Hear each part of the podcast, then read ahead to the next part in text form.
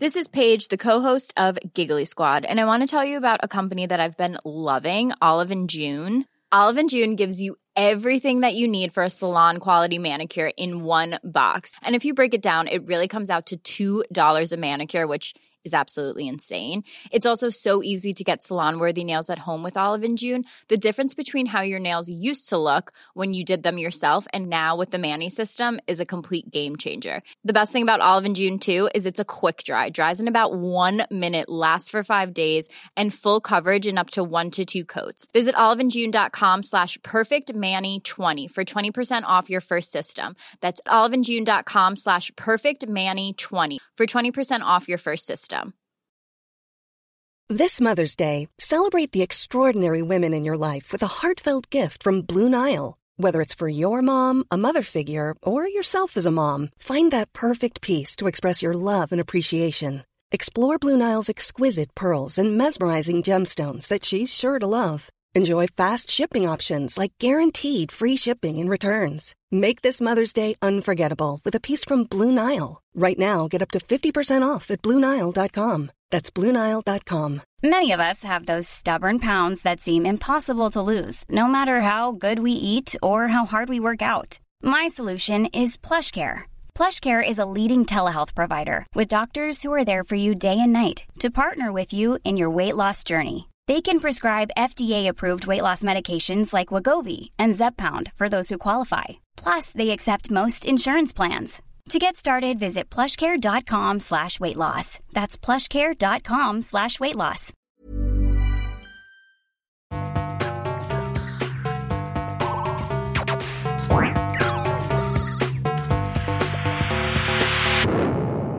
Velkommen til Sinnsyn. Jeg heter Sondre Risom Livre, er psykolog, og dette er Webpsykologens podkast. Hverdagspsykologi for fagfolk og folk flest.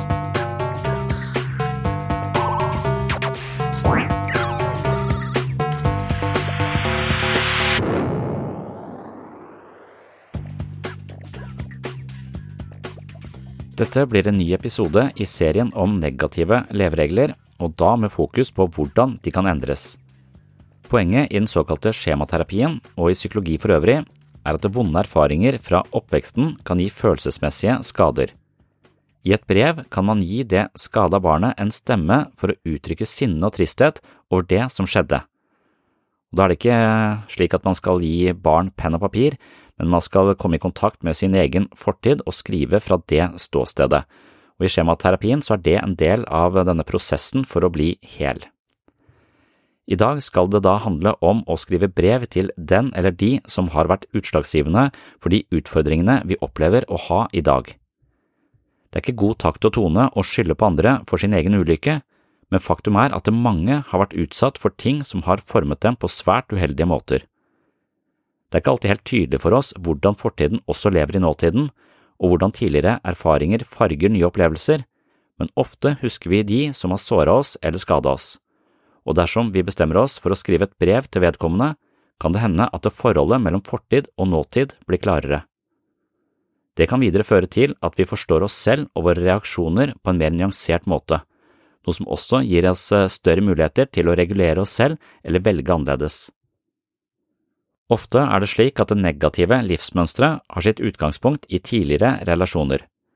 Når vi ser forankringen i vårt eget negative mønster, kan det være en avgjørende innsikt for videre vekst og utvikling. Jeg mener også selv at skriving er kurativt. Jeg mener faktisk at jeg tenker klarere når jeg skriver. Det er som om skriving fungerer som en slags kategorisering og opprydding i egen tankevirksomhet. I neste omgang opplever jeg også at jeg klarer å snakke mer presist om tematikken jeg har skrevet om. Derfor har skriving alltid vært min metode, og jeg tror dessuten at denne metoden har store helsegevinster for de fleste. Man kan rydde opp i hodet gjennom skriving, og kanskje kan man rydde opp i gammelt grums ved å skrive brev til folk som har påvirket oss tidligere i livet. Hvorvidt man faktisk skal sende et slikt brev, er jeg mer usikker på. Poenget er å skrive det, slik at eh, oversikten over det som har skjedd, i relasjon til den vi er i dag, blir tydeligere for oss. Når vi oppdager nye sammenhenger, oppnår vi en større forståelse for oss selv, og det er en viktig del av selvutvikling og vekst. Temaet i dag dreier seg om en teknikk hentet fra skjematerapien og Jeffrey Youngs ideer og terapeutiske teknikker hentet fra både kognitiv terapi, dynamisk psykoterapi og gestaltterapi, og sannsynligvis er han inspirert av enda flere retninger. Dersom vi i vårt eh, voksne liv fremstår med noen mønstre i måten å være på som ikke tjener oss vel, kan det altså hende at dette mønsteret fikk sin grobunn i barndommen og kanskje oppsto det i første rekke som en beskyttelsesmekanisme fra en sårbar fase i livet. På denne podkasten bruker jeg av og til Bill Burr som introduksjon til et tema. Det skal jeg gjøre i dag også. Jeg oppfatter denne mannen, altså denne standup-komikeren Bill Burr, som nesten litt farlig. Jeg synes han virker halvaggressiv hele tida, og humoren hans er helt i grenseland, og også da i det området hvor jeg mener at humor skal bevege seg. Imidlertid finnes det en del komikere jeg oppfatter som hyggelige, varme og omgjengelige, men den kategorien passer ikke på Bill Burr. Det kan virke som om Bill Burr har et skjold av sarkasme for å beskytte seg, og i tillegg er han utstyrt med ironiske kanoner som skyter mot alt som befinner seg i nærheten.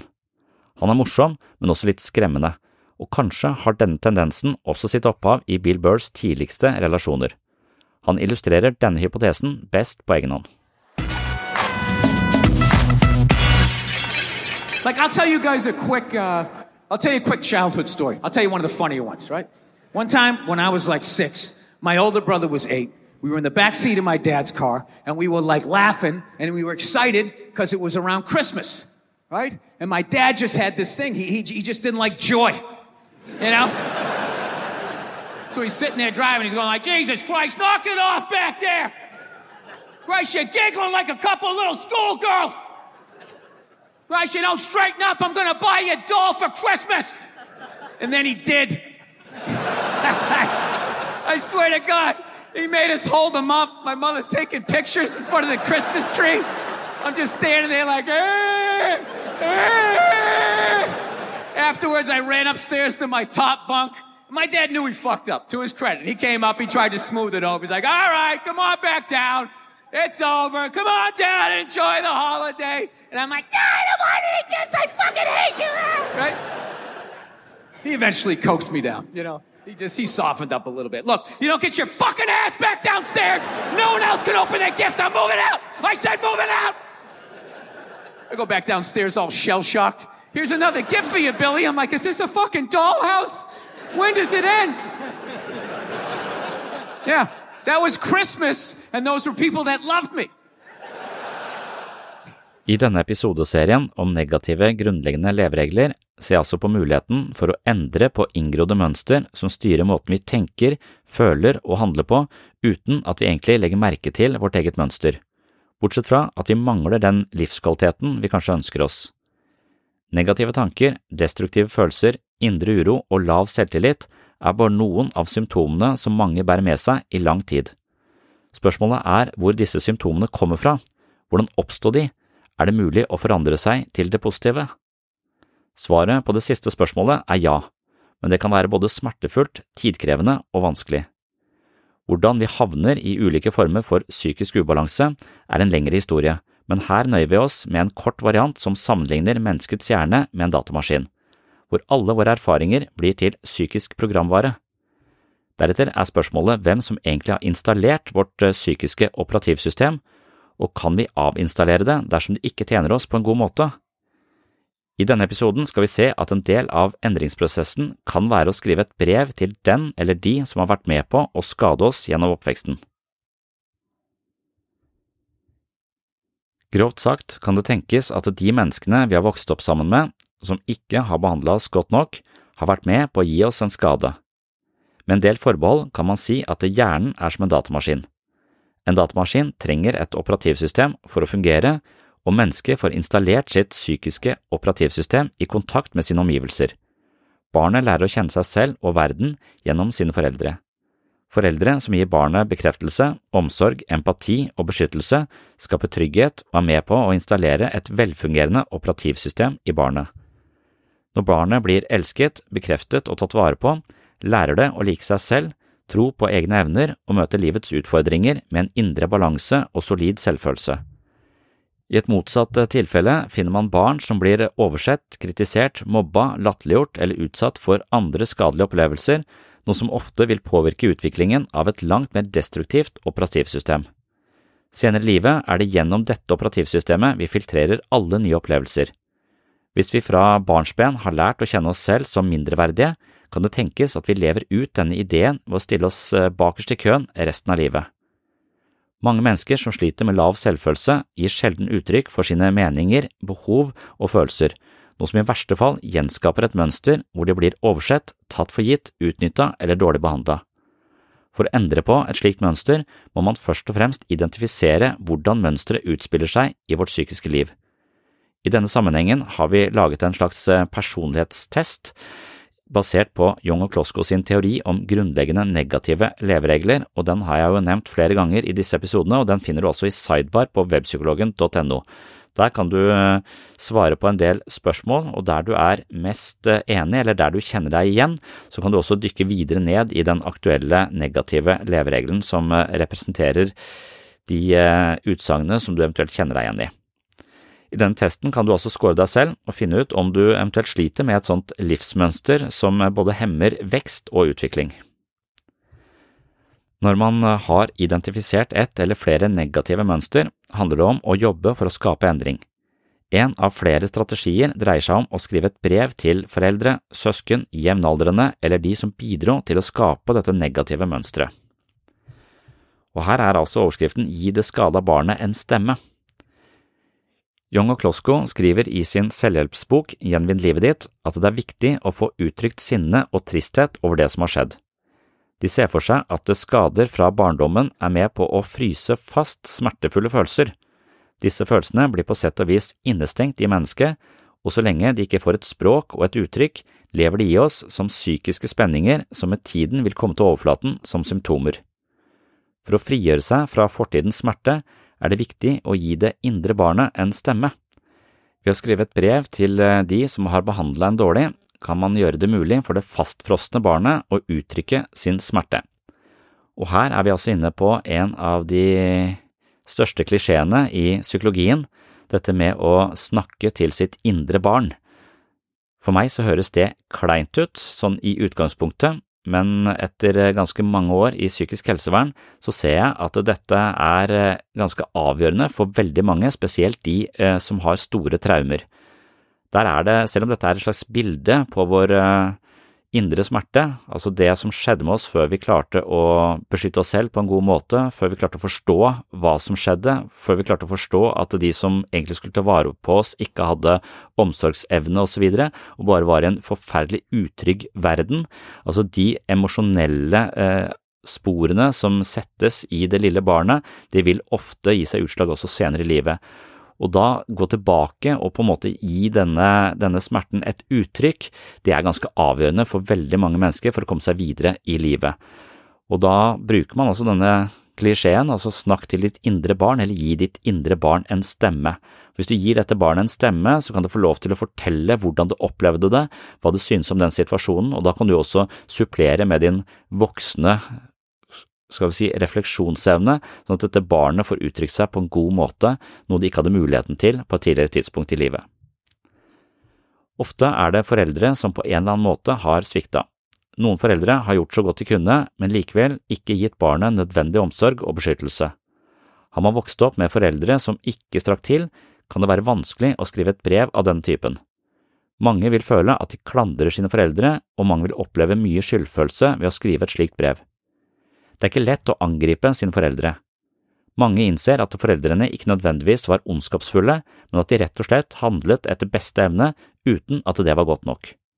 Da er det vanskelig å legge skylda på sine foreldre, men i denne øvelsen skal man forsøke å legge slike hensyn til side. I brevet skal man forsøke å uttrykke sannheten, altså den sannheten som barnet satt med. Man skal fortelle dem hva de gjorde som var skadelig, hvordan de fikk en til å føle og hvilke konsekvenser dette har hatt for ens liv. I brevet skal det komme frem hvorfor det var feil å oppføre seg som de gjorde. Man kan også legge til hvordan man hadde ønsket at de oppførte seg, og noe om hva som mangla i oppveksten. Og som sagt så kan det være ganske vanskelig, og jeg mener jo selv at det ikke er god takt og tone å skylde på andre for egen ulykke, men veldig ofte så er våre problemer ikke bare noe som er forankra i oss selv og vårt eget anliggende, men noe som har vært påvirket av veldig mange faktorer, og veldig ofte de folka som har stått oss nærmest.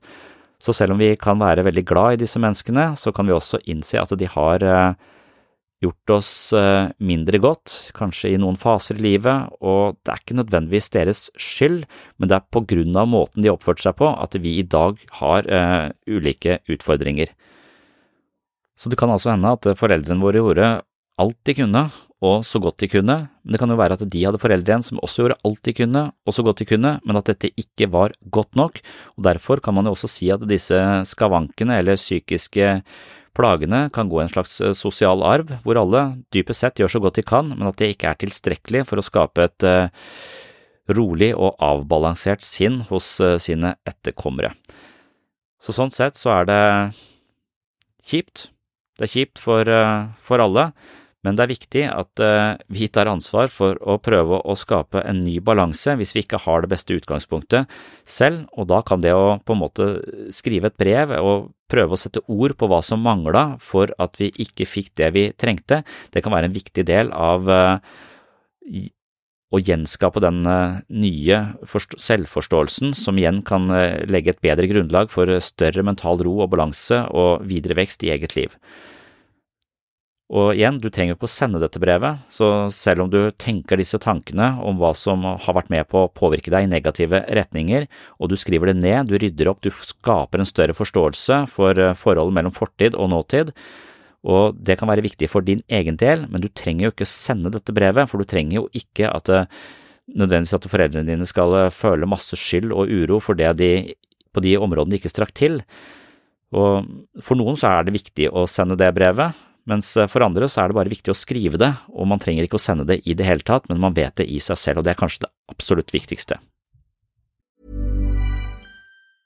When you're ready to pop the question, the last thing you want to do is second guess the ring. At BlueNile.com you can design a one-of-a-kind ring with the ease and convenience of shopping online. Choose your diamond and setting. When you find the one, you'll get it delivered right to your door. Go to Bluenile.com and use promo code LISTEN to get $50 off your purchase of $500 or more. That's code LISTEN at Bluenile.com for $50 off your purchase.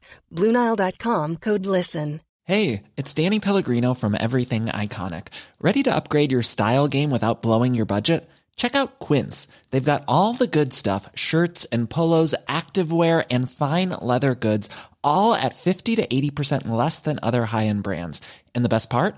They're all about safe, ethical, and responsible manufacturing. Get that luxury vibe without the luxury price tag. Hit up quince.com slash upgrade for free shipping and 365 day returns on your next order. That's quince.com slash upgrade. I'm Sandra, and I'm just the professional your small business was looking for. But you didn't hire me because you didn't use LinkedIn jobs. LinkedIn has professionals you can't find anywhere else, including those who aren't actively looking for a new job, but might be open to the perfect role, like me. In a given month, over 70% of LinkedIn users don't visit other leading job sites. So if you're not looking on LinkedIn, you'll miss out on great candidates like Sandra. Start hiring professionals like a professional. Post your free job on linkedin.com/people today.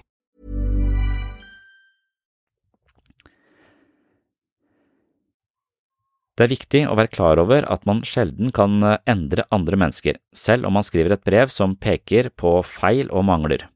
De fleste som skriver et slikt brev til noen i sin fortid, postlegger det nesten aldri. Det er i hvert fall min erfaring. Altså, vi har hatt denne øvelsen blant eh, pasienter i ulike grupper på det stedet hvor jeg jobber, og veldig mange har skrevet uh, flotte brev og fått uh, god innsikt i seg sjøl, men de har ikke lagt brevet i postkassa eller putta noe frimerke på det, og det tror jeg kanskje var riktig. Det viktigste er altså å skrive brevet. Det er ikke at den andre skal endre sin oppfattelse, angre eller be om unnskyldning, for det er mange som aldri vil klare å be om unnskyldning men eh, snarere at det skada barnet får en stemme og får lov til å uttrykke seg. Så det er poenget. Det skada barnet skal få uttrykke seg, og selv om vi da sender dette brevet, så kan det være at vi rett og slett bare aktiverer masse forsvar hos de menneskene som ikke klarer nødvendigvis å ta inn over seg at de ikke har eh, strukket til på den måten de kanskje ønsket at de strakk til. Så det er så… det er ganske tungt å ta inn over seg at man ikke har eh, gjort det beste for sitt eget barn, og da kan det hende at man ikke har rett og slett kapasitet til å ta inn over seg den, eh, den innsikten, og vil da heller eh, få piggene ut og aktivere et voldsomt forsvar som egentlig skader relasjonen vår mer enn den eh, gjør godt. Hvis barnet, eh, som henger igjen i fortidens traumer, som altså bor i oss selv, får lov til å gi uttrykk for sine følelser, er det et ledd i en prosess hvor målet til syvende og sist er å føle seg som en hel person. Mange som har negative livsmønstre og vonde erfaringer fra oppveksten, kan fungere godt i lengre perioder, men havner tidvis i en eller annen modus. Noen kan fanges av kraftige følelser, bli rasende som et lite barn og senere bevege seg over i en modus av skyld, sorg og skam, for deretter å returnere til den mer modne voksenpersonen, som man kanskje kjenner igjen fra det daglige. Det er ikke snakk om å være en spalta person, men det er snakk om å bli fanga i forskjellige moduser hvor den modne voksenpersonen settes ut av spill og man overrumples av følelser, frykt og usikkerhet. Det finnes også negative livsmønstre som er til stede nesten hele tiden. De som har opplevd mye mobbing og kritikk, kan ha en kronisk mindreverdighetsfølelse og møte andre med skepsis og alarmberedskap. Poenget med å skrive et brev til de som var med på å anstifte et negativt livsmønster, er altså å integrere det lille barnet i den voksne personligheten, med andre ord bli mer hel. Så det vil si at man har med seg smerten på en mer moden måte, istedenfor at man faller tilbake i smerten som barnet opplevde det og den voksne personligheten vår, hvor refleksjonsevne og mental balanse plutselig bare settes ut av spill, så vi bare bom tilbake til en, til en vond erfaring og til en mer hjelpeløs mestringsstrategi preget av panikk, sinne, alle disse tingene hvor vi rett og slett mister besinnelsen. Så når vi mister besinnelsen, så kan det også være at vi havner tilbake i en mer på en måte barnslig væremåte, altså dette hjelpeløse barnet som ikke hadde redskapene og den mentale utviklingen nok til å kunne beskytte seg og håndtere virkeligheten sin på en god måte, fordi de var rett og slett sjanseløse. Den opplevelsen den bare havner vi tilbake i istedenfor å klare å dra veksel på den voksne personligheten og den mer modne delen av oss selv, som også mange, som de fleste av oss, har en del av. Så dette her gjelder jo egentlig alle mennesker. Vi blir tre år når vi krangler, altså vi havner tilbake i mye mer primitive strategier, men hvis du har et negativt livsmønster, så skjer disse oftere. Du har en tendens til å gå inn i type konflikter osv. på den samme måten og havne i den samme posisjonen, før du i ettertid da kanskje skammer deg og angrer osv. Og, og kommer tilbake i en mer moden personlighet. Så poenget er at disse mer umodne sidene av selv skal integreres i den voksne personligheten, og da må den voksne siden av selv på en måte trøste og forstå det lille barnet for å bli hel. Og da vil man i nye situasjoner klare å beholde sin eh, besinnelse, sin eh, refleksjonsevne, og kjenne etter på følelsene, men ikke havne i følelsenes vold, på sett og vis. Så det er eh, selve ideen i disse teknikkene fra Young og Klosko sin selvhjelpsbok Gjenvinn livet ditt. Og da skal jeg komme med et eksempel hvor Danielle skriver til sin mor.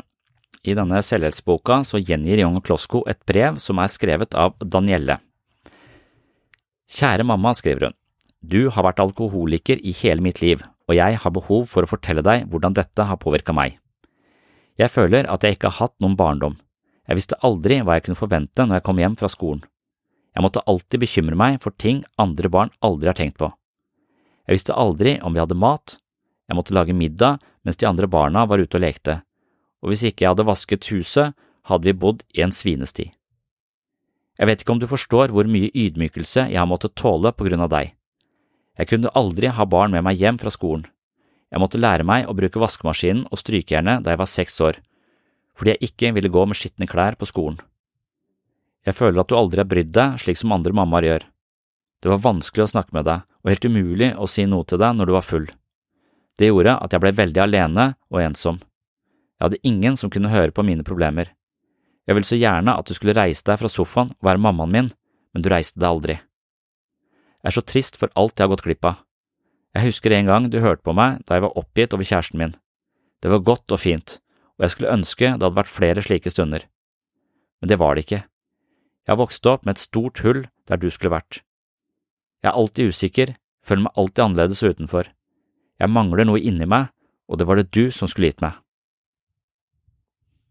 akkurat det brevet der synes jeg det er ganske vondt å lese, og jeg har lest mange andre brev i samme sjanger, og det er eh, smertefullt, det er kjipt, men det er også det å kunne møte den eh, smerten, forstå den smerten og integrere den smerten, sånn at man ikke blir hengende igjen med et slags anker i fortiden, men eh, klarer å finne en slags uh, ny plattform hvor man uh, integrerer og tar vare på de sårbare sidene i seg selv på en måte som ikke fanger oss da, totalt i denne fortiden. Så nå så skal jeg um, spille av en uh, vignett fra et uh, foredrag hvor jeg snakker om det å uttrykke seg i skriftlig form som en slags uh, selvhjelpsteknikk, altså det å skrive som egenutvikling, det er da tema i de neste minuttene. Og så vil jeg jo oppfordre de som tenker at de sliter med spesifikke negative leveregler, og må sjekke ut hvilke leveregler de eventuelt er heftet av, det kan man da gjøre med denne Test deg selv-programmet som jeg har eh, planta i sidebar på webpsykologen.no, også direkte basert på John Kloskos eh, utredningsverktøy i forhold til negative leveregler. Der kan du dykke litt mer ned i de ulike levereglene som eventuelt eh, hefter ditt liv, og deretter så kan jo dette med å skrive et brev til den eller de som eventuelt har skada deg tidligere i livet, være en del av veien videre. Det funker for noen, for andre så er det teit og meningsløst. Um, men jeg tror eh, som sagt at det har noe for seg, altså at vi har sider ved oss selv. Det er ikke som at bevisstheten vår legger seg i lag, så vi får stadig vekk en mer moden fungeringsevne men vi har også disse lavere nivåene, de ligger fortsatt i oss, og av og til så faller vi ned på de, og det skjer med alle mennesker, og hvis vi stadig vekk faller tilbake i tidligere moduser, eller moduser som hører til det hjelpeløse barnet, så kan det være at dette må integreres, det ikke er integrert godt nok i den voksne personligheten vår. Så selv om det er en litt sånn uh, klisjéaktig, teit metafor, snakk til ditt indre barn, eller gi ditt indre barn en stemme, så mener jeg at det er uh, det er en god logikk bak det der, og det er også en ganske massiv eh, erfaringsbank som tilsier at det der har noe for seg for mange mennesker, som spesielt de som har da noen litt større eller litt kompliserte traumer eh, bak seg. Så da går vi til et eh, foredrag jeg holdt for lenge siden, sannsynligvis 2013 eller noe sånt noe, hvor jeg også snakker om det å uttrykke seg skriftlig som en selvhjelpsteknikk.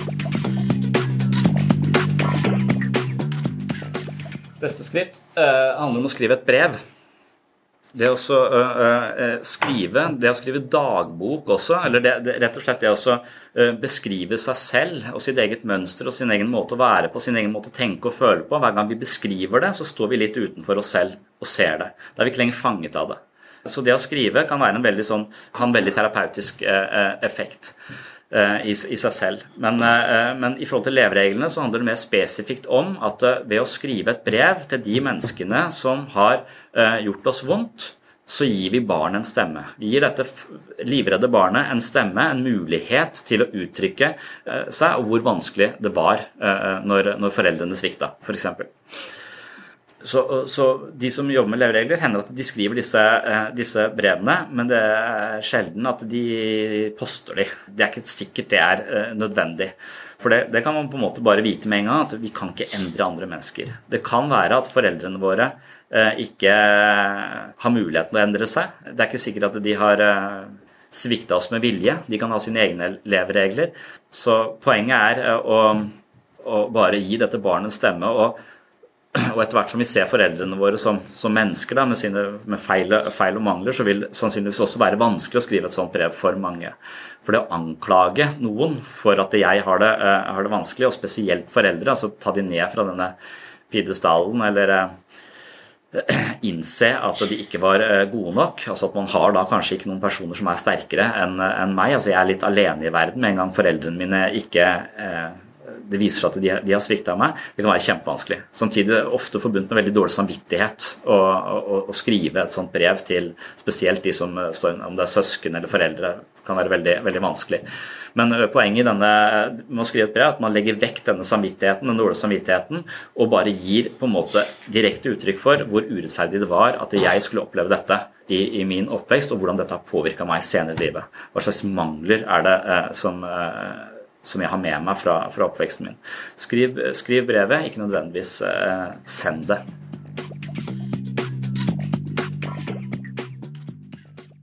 Tusen takk for at du hører på Sinnsyn, og tusen hjertelig takk til alle dere som har eh, anbefalt podkasten, enten via sosiale kanaler eller face to face med folk dere møter. Det setter jeg stor pris på, og tusen takk til alle dere som kommer med tilbakemeldinger på ulike plattformer. Det er masse hyggelige kommentarer i uh, ulike kommentarfelt, enten det er under episodene eller det er inne på iTunes, det setter jeg stor pris på. Jeg får ikke alltid respondert på de tingene som kommer min vei, men jeg leser alt, og det betyr noe, det gjør en forskjell. Jeg blir veldig glad når jeg får uh, hyggelige tilbakemeldinger. Tusen takk for det.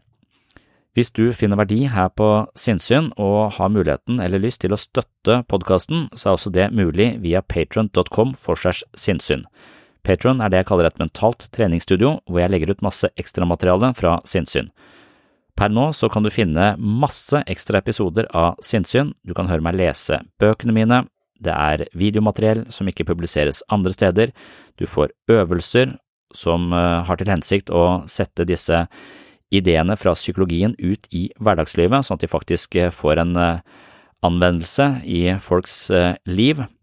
Det har vært viktig for meg. altså Én ting er å ha masse innsikt og forståelse for hva som foregår, en annen ting er å bruke den innsikten i livet sitt. Det er ikke alltid så lett, og der har jeg tro på at det finnes øvelser og mentale treningsformer som kan hjelpe oss på vei. Så hvis du er en person som er litt over middels interessert i psykologi og filosofi, og har mulighet og lyst til å støtte dette prosjektet, så kan du også få et medlemskap på min Patrion-side. Du finner linken i shownotes eller eh, på webpsykologen.no, og da kan man eh, støtte podkasten med et selvvalgt beløp i måneden. Det betyr at eh, jeg får muligheten til å prioritere dette prosjektet høyere. Jeg vil benytte anledningen til å takke alle som allerede nå støtter meg på Patron. Det setter jeg utrolig stor pris på, og det gjør en kjempeforskjell når jeg skal drifte denne podkasten, da det er forholdsvis kostnadskrevende både her og der, ikke minst eh, i bruk av tid, men jeg elsker å gjøre det, så når jeg da får muligheten til å gjøre det fordi dere er så elskverdige at dere støtter podkasten med et lite beløp i måneden, så er det bare enormt øh, hyggelig. Jeg blir veldig takknemlig, og ja, det, det, gjør en kjempeforskjell. Så dere som allerede nå er på Patron og støtter meg der, det betyr at det er deres eh, skyld at denne podkasten kommer eh, ut hver uke. Det er på grunn av deres eh, bidrag at vi kan holde lysa på her på Sensyn, og det er jeg kjempeglad for. Så tusen hjertelig takk til, til dere. Når det er sagt, så har jeg også full forståelse for at det er mange som ikke har muligheten til å støtte dette prosjektet med økonomiske midler, og det er selvfølgelig helt greit. Målet mitt er jo å kunne spre kunnskap, eller skal vi si ideer, refleksjoner om psykisk helse og menneskets indre liv til så mange som mulig, og det syns jeg skal være tilgjengelig for så mange som mulig, og derfor så vil jeg at eh, majoriteten av det som foregår på sinnssyn skal ligge her på den åpne eh, podkasten og være tilgjengelig for alle. Og for de av dere som eh, finner verdi her, men og faktisk har muligheten til å støtte, så er altså Patron det stedet hvor man kan gi sitt eh, bidrag. Det var det jeg hadde for denne gang. Det kommer flere episoder om eh, negative grunnleggende leveregler. Jeg har allerede posta noen episoder. De kommer ikke sånn rett etter hverandre, av og til så putter jeg noen andre temaer innimellom for å brekke det opp litt, men jeg har en slags plan om å lage en litt lengre serie om disse negative grunnleggende levereglene.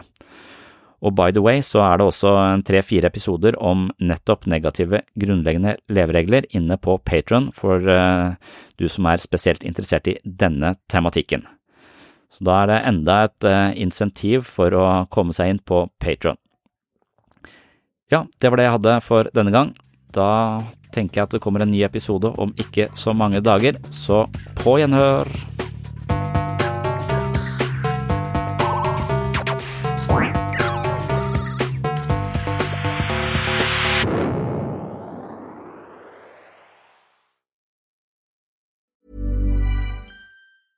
Even when we're on a budget, we still deserve nice things. Quince is a place to scoop up stunning high-end goods for 50 to 80% less than similar brands. They have buttery soft cashmere sweaters starting at $50, luxurious Italian leather bags, and so much more. Plus, Quince only works with factories that use safe, ethical, and responsible manufacturing. Get the high-end goods you'll love without the high price tag with Quince. Go to quince.com slash style for free shipping and 365-day returns. Flexibility is great. That's why there's yoga. Flexibility for your insurance coverage is great too. That's why there's United Healthcare Insurance Plans. Underwritten by Golden Rule Insurance Company, United Healthcare Insurance Plans offer flexible, budget friendly coverage for medical, vision, dental, and more. One of these plans may be right for you if you're, say, between jobs, coming off your parents' plan, turning a side hustle into a full hustle, or even missed open enrollment. Want more flexibility? Find out more about United Healthcare Insurance Plans at uh1.com. Imagine the softest sheets you've ever felt. Now imagine them getting even softer over time. That's what you'll feel with Bowl and Branch's organic cotton sheets. In a recent customer survey, 96% replied that Bowl and Branch sheets get softer with every wash. Start getting your best night's sleep in these sheets that get softer and softer for years to come. Try their sheets with a 30-night guarantee. Plus, get 15% off your first order at bowlandbranch.com. Code BUTTERY. Exclusions apply. See site for details.